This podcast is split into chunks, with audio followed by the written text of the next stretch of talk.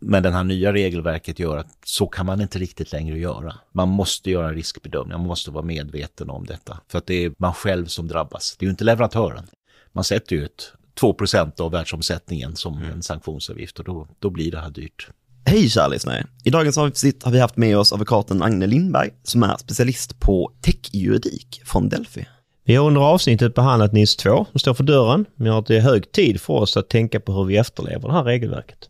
Och I dagens avsnitt så har vi eh, bland annat tagit upp eh, skillnaderna mellan NIS 1 och 2, vad NIS 2 innebär för företag, vilka sektorer som involveras, vad företag och andra organisationer behöver göra, kopplingar till andra EU-lagstiftningar på området samt lite tips och tricks som, eh, som vanligt. Då. Vi är övertygade om att det här kan vara väldigt nyttigt för er, så lyssna gärna in. Då kör vi igång.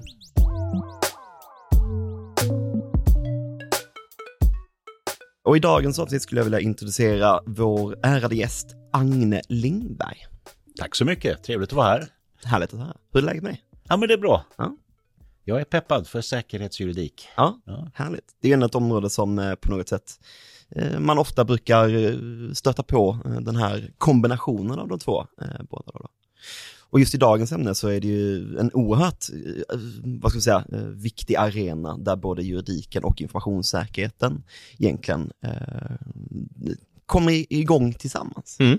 Mm. Eller hur Mats? Exakt, jag skulle säga att det blir en viktigare och viktigare del i de här två ämnena linkar ihop mm. väldigt mycket. Inte med tanke nu på EUs eh, nya säkerhets och nya och nya med deras säkerhetsinriktningar. Man pratar kring nya lagstiftningar mm. eh, med fokus på eh, säkra den inre marknaden. Ja, men så är det ju. Det är ju, finns ju en aktivitet som vi nästan inte har sett tidigare från EU på det här att skapa liksom ett eh, motståndskraftig informations och IT-hantering. Så att det har väl aldrig varit mer tydligt att informationssäkerhet och juridik är närmare varandra. Mm. Men innan vi eh, djupdyker i ämnet, om du får introducera dig själv lite, Agne. Ja, Ja, som sagt heter jag Agne Lindberg och är eh, en sån där advokat och eh, verksam på advokatfirman Delphi där jag ansvarar för vår grupp som håller på med techjuridik. Och det gör att jag jobbar väldigt mycket med informationssäkerhet men även mycket med dataskydd som är en viktig del av vår verksamhet. Och alla möjliga typer av avtal på det här området. Så mm. det har jag hållit på med ganska länge nu. Ja. Och du antar att du också pluggade juridik i, det är det bagaget du har med dig så att säga. Det är bagaget är juridik och till och med varit på domstol så att eh, en, en traditionell jurist som blev en IT-jurist ganska ja. tidigt. Mm. Perfekt ju. Men eh, okej, okay, NIS och NIS 2, vad, vad är det egentligen för någonting? Ja, det är ju en del av EUs eh, totala liksom, lagstiftningsinsats. Det finns ju massor med saker som, som, som hanterar informationssäkerhet. NIS finns ju redan idag, det finns en lag sedan 2018. Eh, men eh, nästa år, så 2024, så kommer vi få en, en ny lagstiftning. Eh, och det är i form av ett direktiv.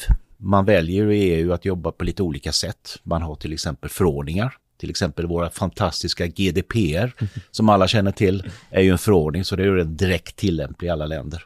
Medan NIS är en, eh, ett direktiv som ska implementeras och bli en lokal lagstiftning i varje EU-land. Mm. Så att vi får ett förslag i februari för Sverige. Hur mm. kommer det se ut exakt i Sverige? Men vi vet ju ganska mycket redan nu eftersom mm. direktivet styr hur det ska se ut. Mm. Men det är, en, det är en lagstiftning som, som skyddar egentligen informationssystem och nätverk. Mm. GDPR skyddar ju den personliga integriteten. Det finns en säkerhetsskyddslag som skyddar eh, rikets säkerhet. Men det här handlar om IT själv, mm. alltså produkter och tjänster. Mm. En av eh, tankarna eller syftar med att man eh, så att säga, bytte till NIS 2 var att det fanns ett inkonsistens mellan EU-länderna eh, och uppfattades som. Och vad, hur, vad, hur, eh, vad tror du om så att säga inkonsistens i NIS 2? För det är ju ändå upp till varje land. Hur lika kommer det här bli, den här ja. NIS 2-omgången? Ja, det är ju, du har ju helt rätt. En av orsakerna att det blir en NIS 2 är ju att den här, det, det skiljer sig åt och det är väldigt dåligt samordnat. Mm. Eh, det finns ju fortfarande risk att det blir lite olika i olika länder, för det är ju ändå mm. miniminivå man ska lägga. Så att det kan vara de som lägger på mer. Så mm. att, man är, att man är safe hemma i Sverige betyder inte automatiskt att man är safe överallt. Eh, men däremot så handlar halva ungefär om NIS 2, halva den handlar om samarbetet i, i EU. Mm. Hur man ska liksom samordna sina aktiviteter och hur man gemensamt ska komma med mera konkreta förslag och direktiv och på hur man ska lösa det här. Och då kommer ju liksom hur, vilka standarder ska man lösa, ett, använda till exempel. Mm. Så jag tror att det kommer bli bättre, mm. men det finns fortfarande en liten risk. Mm. Men det är lite trenden i nästan alla de här olika förordningar och lag, eh, ja. lagverk som kommer, att det, det, är till för att kunna, vad ska man säga, stärka samarbetet, ja. men också att det inte ska bli så pass fragmenterat mellan de olika länderna. Ja. Nej, precis. Mm. Och sen vill ju, det är ju så här, EU vill ju vara best in class. Ja. Det finns ju en vilja från EU att, att liksom driva världen framför sig lite grann. Så var det ju och har varit med GDPR. Det implementeras ju liksom i Indien, Australien, liknande lagstiftningar som bygger på GDPR. Så att man fortsätter mm. den linjen. Och kommer omfatta fler. ja, förmodligen. förmodligen. Vi har bara sett början. Ja. Nej, men jag tänker på, eh, på NIS 2. Ja, pratar, absolut. Att, eh, vad, det kommer definitivt att ja. omfatta eh, många fler. Ja. Det har ju varit en ganska snäv krets i, i eh, NIS 1, mm. det som gäller idag, men det kommer att utökas. Det finns till exempel en helt ny kategori är eh, offentliga förvaltningsenheter, hur vi nu ska mm. översätta det till svenska så småningom. Men det betyder ju myndigheter och regioner och kanske även kommuner eh, kommer att omfattas mera generellt. Mm. Eh, jobbar du med produktion av livsmedel eller distribution av livsmedel så kommer det omfattas, det har inte varit så tidigare. Mm. Och så finns det en ganska bred skrivning kring de som tillverkar vissa typer av produkter. Mm. Och det kan vara datorer, det kan vara medicintekniska produkter. Så mm. att eh, har, har, man fallit under NIS 1 och gjort sin läxa, då kanske det inte här är en jätteövning. Men har man inte gjort det, då tror jag man måste börja ganska snart. Mm. För att oktober 2024, då kommer det att vara skarpt läge. Mm. Och det är också mm. så att det omfattar mer och mer också, eh, själva förordningen i sig själv. Så att det är inte bara som så att är du direkt omfattad, ja, men då, då, då vet du på det tydliga att du är omfattad. Men det är också det här indirekta med att man ska försöka säkra eh, tredjepartskedjan. Eh, ja, ja. ja, men det är för, för NIS 2, det, det, det, det finns ju liksom en del väldigt tydliga pelare om man säger det så, grunder i det. Mm. Och, och, eh, en av dem är såklart informationssäkerheten, vad ska man göra för att liksom höja sin informationssäkerhet? Den andra är ju, som du säger, hur ska man hantera sina leverantörer? Mm. Alltså det som är själva leverantörskedjan av informationssäkerhet. För det är ju få som ju löser det här på egen hand. Mm. Man använder ju leverantörer för det här. Exakt. Mm. Och det, då ställs det krav på eh, att analysera dem. Och, och det finns krav på hur avtalen ser ut. Ja. Så att eh, det, vi ser framför oss att man kommer förmodligen att behöva kanske omförhandla befintliga avtal och tänka på hur man upphandlar framöver. Mm. Hur, det, det, är ju, nu pratar vi om tredjepartsrisk och tredjepartssäkerhet här.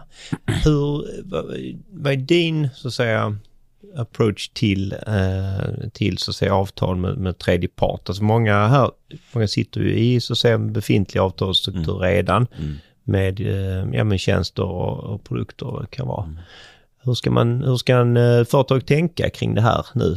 Det kommer mycket förändringar, eh, det ja. kommer bli förhandlingar och ja. tilläggsavtal. Hur kan du Ja, och tyvärr kommer det också säkert att bli kostnadsdrivande. Mm. Ja, det... Eh, för det är ju inte så att man som leverantör kanske kan köpa allting utan att det blir en kostnadsförändring för att det kommer mm. att påverka liksom lösningar. Ja, det är ju utmaning, alltså det är enklare att hantera en framtida upphandlingar. Då får man ju liksom mm. se till att det här finns med från början. Men, men det blir ju lite svårare i de befintliga avtalen. Mm. Och det är ju dessutom så här att man måste ju, man får inte bara tänka NIS, eller NIS 2. Mm. Det är ju, du har ju en bredd, alltså det finns så mycket olika regelverk som ligger parallellt och överlappande. Är du till exempel en, en eh, verksamhet som håller på med bank eller försäkring, då finns det egna nischade regelverk för hur avtalen ska se ut. Men jag tror att man, vad man behöver göra det är ju liksom ett, analysera liksom vilka leverantörer har vi som på något sätt påverkar vår informationssäkerhet. Två, titta på avtalen.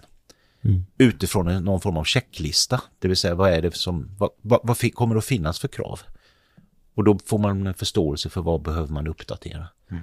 Men det här, eh, och sen kan man gå in i förhandling. Men du måste göra hemläxan först. Mm. Titta på vad som finns och vad som behöver göras med dem. Mm.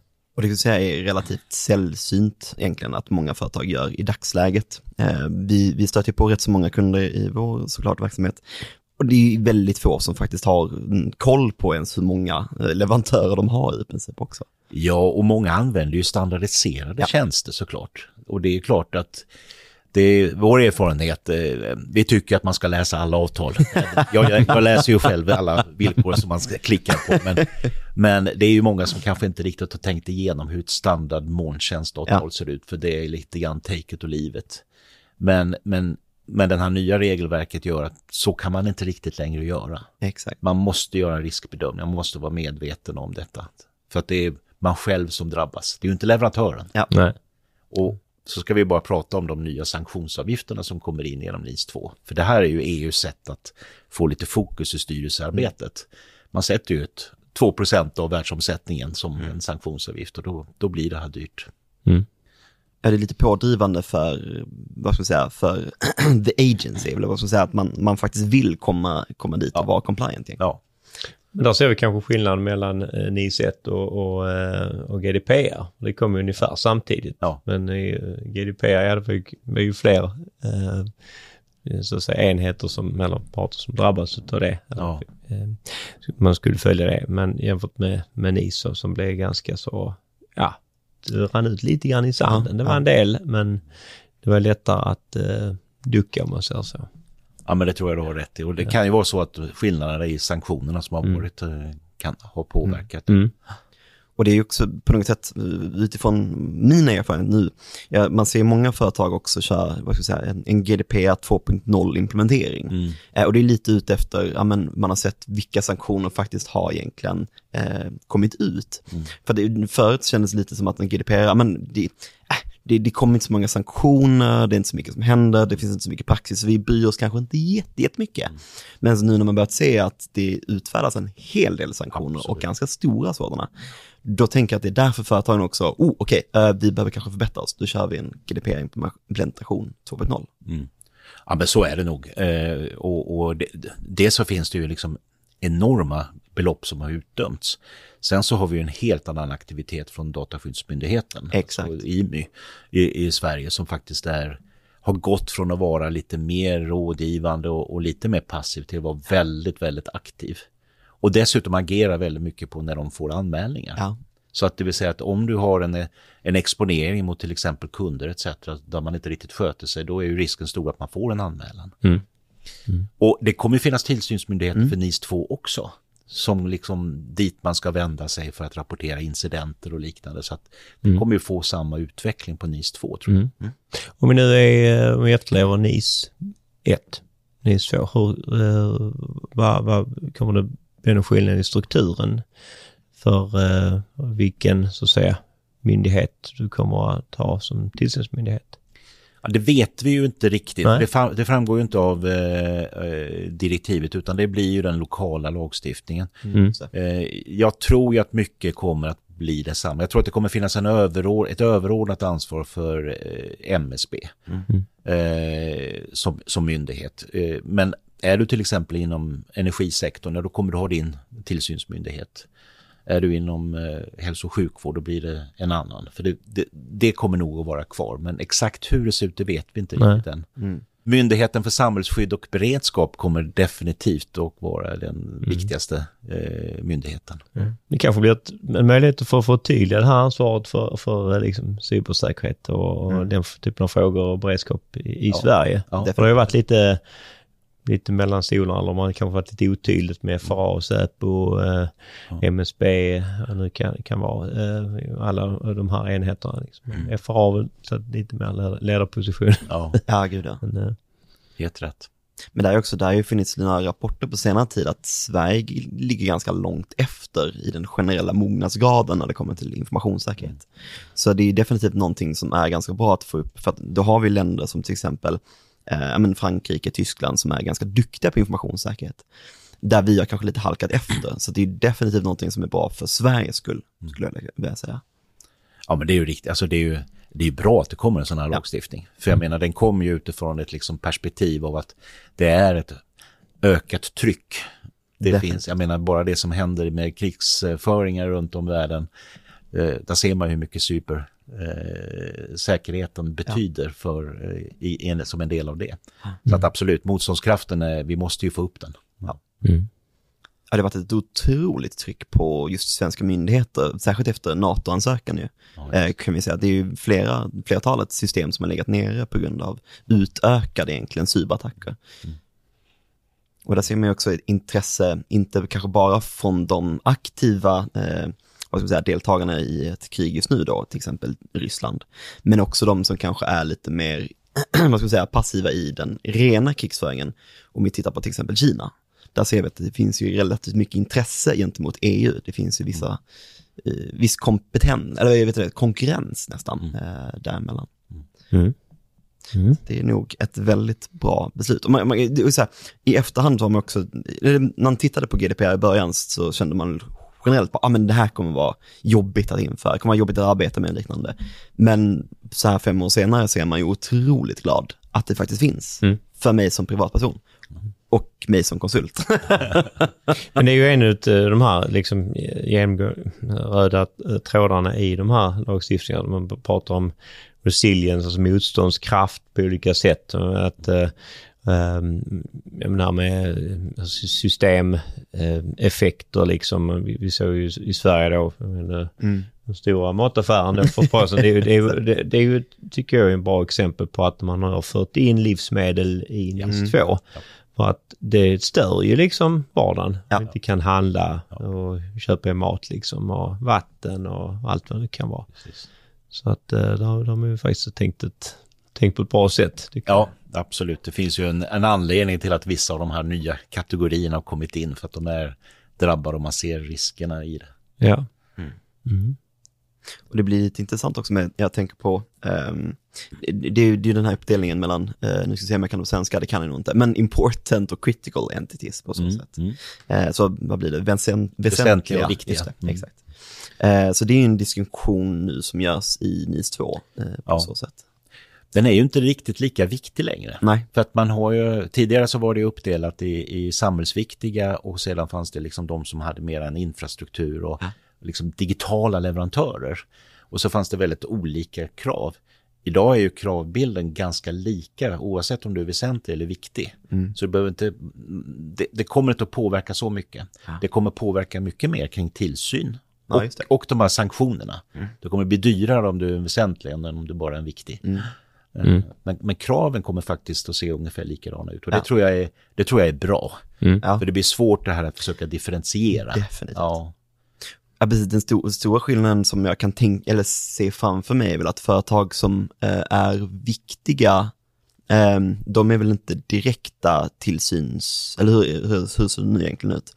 För de, de som är eh, väsentliga, de omfattas ju direkt i princip, de är alltid tillsyn. de är alltid tillsyn. Exakt. Och mycket mer kraftig tillsyn. Just Det, det, finns exakt. ett tillsynskrav även på de viktiga, men inte på samma sätt. Just det. Just det. Ja. Sen finns det ju ett annat, eh, det- nu pratar vi mer om det här med, då håller du på med livsmedelsproduktion och distribution, men det finns ju det finns ju två stycken eh, kriterier för att man ska omfattas av NIS. Det ena är just det här, vad håller du på med för någon? Hur ser verksamheten ut? Den andra är storleken. Ja, Så man undantar ju faktiskt mindre företag som har 50 anställda eller mer. Och, och, eller har en omsättning på mindre än 10 miljoner euro. Eh, men då ska man tänka på att det finns en, tror jag, den mest komplicerade definitionen jag någonsin har läst, nämligen av eh, eh, just företagsdefinitionen i EU. Det är ingenting som har med, med NIS 2 bara att göra, utan det gäller på många områden. Det är att man måste titta även på de när, närliggande företag som det finns ägarintressen mellan. Så har man en koncernstruktur etc. då räknas alltihopa in.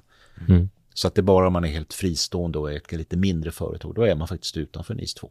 Mm. Om man inte håller på med, det måste finnas undantag. om man inte då är offentlig sektor eller håller på med något väldigt, väldigt känsligt. Ja. Ja. Det är ändå förknippat med kostnader och... och Det är ja, det är det. Så. Men, men en, en fråga som, som jag har eh, stött på några gånger. Och jag vet att man, man undrar lite kring ute på företag ur, ur ett legalt perspektiv. Det är ju att kommer ju eh, flera eh, i ett sjok här eh, förutom NIS 2. Eh, och de, det är ju ganska lika, men man kan ju träffas då utav flera lagstiftningar. Och hur ska ett företag tänka när vi träffas nu vid olika? De kanske träder i kraft med olika tidpunkter och så vidare. Så, vad är ditt, ditt perspektiv på det? Jag, tr- jag tror att man ska börja med de som är mera sektorspecifika.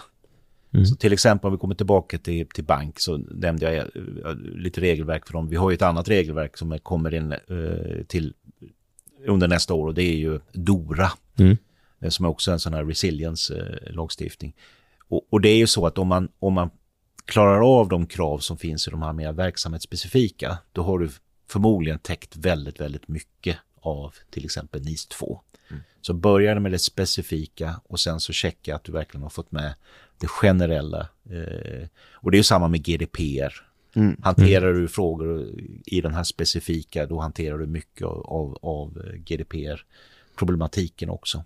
Mm. För det, den här parallelliteten är ju en utmaning annars. Mm. Men du måste, man måste titta på alla lager. Till exempel Ja. kan ju liksom en anmälningsskyldighet under NIS 2 ligga parallellt med en anmälningsskyldighet under, under DORA. Just det. Mm. Ja, det är sällan kanske bara en specifik, mm, att man bara rapporterar gentemot DORA, för att det är ju det är väldigt många saker som, Det, det, de mäter ju lite olika Exakt. saker också, eller reglerar lite olika saker. och det är någonting vi brukar säga, generellt, vi, vi håller på med många implementationer av eh, då systematisk informationssäkerhetsarbete. Ja. Och det är någonting som vi kanske brukar säga att, ja, men, eh, se det som en plattform att stå på. Mm. Och sen så får man titta, men vad är de ytterligare kraven på något sätt? Så Ja. det låter... Ja. Mm. Det tror jag är klokt. Och det blir väldigt intressant med, eh, för där har vi ju nämnt att det finns ju en del olika svenska myndigheter eh, på som, som tacklar då tillsynsrollen. Men då på en EU-nivå så kommer det också finnas en hel del myndigheter på så Absolut. sätt. Ja, både, både kring tillsyn och eh, för, för har man då en, en verksamhet som träffar och risker, skapar risker i många länder, då finns det ju en egen, Just. en egen rapporteringsväg etc. Och sen finns det ju samordnande myndigheter Mm. Som kommer att arbeta. Så att jag tror att eh, myndigheterna kommer att få mycket Ja. att göra Mm. också. Mm. Får man väl se hur, hur de samordnar det här mellan eh, Ja. om det är olika tillsynsmyndigheter eller, eller ja, vi vet ju inte fullt ut ännu Nej. faktiskt. Så att, eh, ja, Men jag, man, jag tror att det finns nog goda möjligheter. Jag tycker vi har sett en väldig utveckling kring just dataskyddet och GDPR med den Europeiska dataskyddsstyrelsen. Som har verkligen tagit ett eh, steg uppåt, att vara konkret och komma med vägledningar och sånt där. För det behövs ju. Definitivt. Den här, alltså, den här typen av lagstiftning är väldigt generisk och inte så himla lätt. Det ska finnas lämpliga liksom, säkerhetsinstruktioner och så vidare. Det, det är ju jättesvårt att tillämpa Ja. i praktiken. Ja, men det kommer vi, vi, vi snackade ju tidigare ett avsnitt med eh, Anders från PTS då, då, som är en av dem som också hjälper ta, ta det till Sverige om man på det, på det sättet. Och där, där fick vi fram att det är ju otroligt svårt att bara översätta. Ja. Eh, Alltså från engelska till svenska. Det är ju ett otroligt stort jobb bara i sig självt. Och alltså då man, tanke, man tänker på att, ja men hur ska man då egentligen faktiskt agera ut efter dem, eh, den skriftelsen som finns. Det är ju svårt, så att som du säger, det är vägledningar definitivt Ja, behövs. det behövs. Och jag tror att på informationssäkerhetsområdet, det här kan ju ni mycket bättre än jag, så tror jag också att man kommer peka mycket på liksom de standarder som finns. Jag Yes. menar i hela ISO 27000-familjen och etc. Mm. kommer ju bli en nyckel i det här. Ja. Mm. Så arbetar man systematiskt enligt erkända standarder, då kommer det också bli mycket lättare att konstatera att man uppfyller de här kraven. mm, Men det är ju lite som man tittar på, eh, Enisa har ju eh, en, en specifika eh, kontroller för så här skyddar du i princip personuppgifter. Mm. Och där står ju direkt i det verktyget, ja men det här är taget från ISO 27001. Ja, okej. Så man ser ju ganska tydligt att det finns, att de har hämtat ganska mycket inspiration därifrån. Men det känns ju, alltså min känsla av, av eh, Ni- NIS 2 då är att man försöker hjälpa till på traven. Att, För innan var det ju ganska vagt just att man skulle bygga eh, sin säkerhet enligt eh, 27 000 eller, eller, eller liknande då. Mm. När vi pratar Sverige. Men, men här pratar man ju om minimikrav. Att det här måste ha, fokus, eh, peka på vissa fokusområden, supplier management, kryptering eh, och, och så vidare. Så att eh, incidentrapportering som vi nämnde här också. Så att där hjälper man ju lite grann var behöver man lägga liksom krutet i sitt arbete för att liksom komma i mål. Det tror jag hjäl- kan hjälpa liksom istället för den här generella risk, eh, riskarbetet är ju lite Mm. svårare, tror jag, upplever jag ju, när man är med en checklista liksom. Ja men den är bra faktiskt. De har ju, de har kommit en bra bit på vägen och varit mer, lite mer konkreta. Mm. Så att man åtminstone har områden man ska arbeta med. Mm. Sen tycker jag också att det är, det är väldigt tydligt i NIS 2 att det faktiskt finns ett krav på att man, de, att man arbetar med policies och instruktioner. Mm. Och att det, är en, att det här är ett, liksom ett managementansvar. Ja. Det är ledningen som ansvarar för det här. Mm. Att se till att det händer. Mm. Eh, det kallas ju för strategier, men det är ju egentligen om, omvandlat till, till, till, till policy och instruktionsdokument som behöver för att styra och kontrollera. Mm.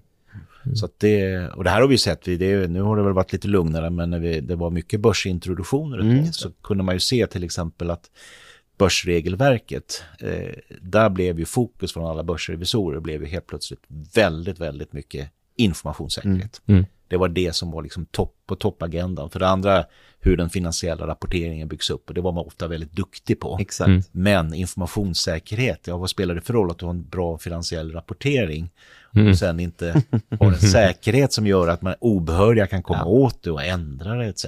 Mm. Så att det kommer tillbaka där, man måste, man måste styra det från ledningen. Mm. Ja, ja men det, det är faktiskt det är kul att se. Det har, det har ju svängt totalt det, den uppfattningen Ja. senare år. Så att, eh, Och det är ty- med välförtjänt också på något sätt i och med att informationssäkerhet har alltid har legat i topp tre risker de senaste tio åren i princip. mm. För, för alla företag i princip på något sätt. Men Agne, hur ska egentligen företag agera med NIS 2 om man, om man omfattas av, av regelverket? Ja, det första man ska göra det är ju liksom att checka av om man, om man omfattas. Mm. Det, det är ju liksom steg ett. Jag tror att alla verksamheter måste ta sig en funderare på är det här tillämpligt överhuvudtaget. Eh, och, och sen när man väl kommer dit, då är det de här olika grundpelarna egentligen. Det är att se över informationssäkerhetsarbetet, arbeta strukturerat, använda standarder, dokumentera, dokumentera, dokumentera. Eh, och sen behöver man jobba med att se på tredjeparterna, alltså avtalsrelationer. Identifiera vilka leverantörer man har som är känsliga. Titta på avtalen, behöver man uppdatera? Eh, och sen så tror jag också att man behöver arbeta med eh, rapporteringsrutiner. För det är någonting som slår igenom all sån här lagstiftning. Du ska in, måste rapportera alla incidenter. Så du måste ha en fungerande incidentprocess eller incidenthanteringsprocess i din verksamhet. Så börjar man med det, då, då kommer man väldigt, väldigt långt. Ja, men, tre väldigt bra tips verkligen skulle jag vilja säga att, att lämna er kära lyssnare med. Eh, nu när vi känner att eh, men, nu har vi gått igenom en, en, en god bit av, eh, av direktivet. ja. Eh, Och det är ju inte så jättelång tid kvar nu som, som du inledde med Agne här. Utan det, det, det går ganska snabbt. Oktober 24 är runt hörnet. Jag känner här, det, det finns två stycken personer bredvid mig som nu försöker stressa upp er här att eh, kolla på hur, hur ska vi tackla detta egentligen. Men eh, vi vill ju tacka dig Agnes så hemskt mycket att du var med i dagens avsnitt. Tack själva. Stort tack. Och sen vill vi tacka alla er lyssnare som har lyssnat på dagens avsnitt också. Tack så mycket, hej då!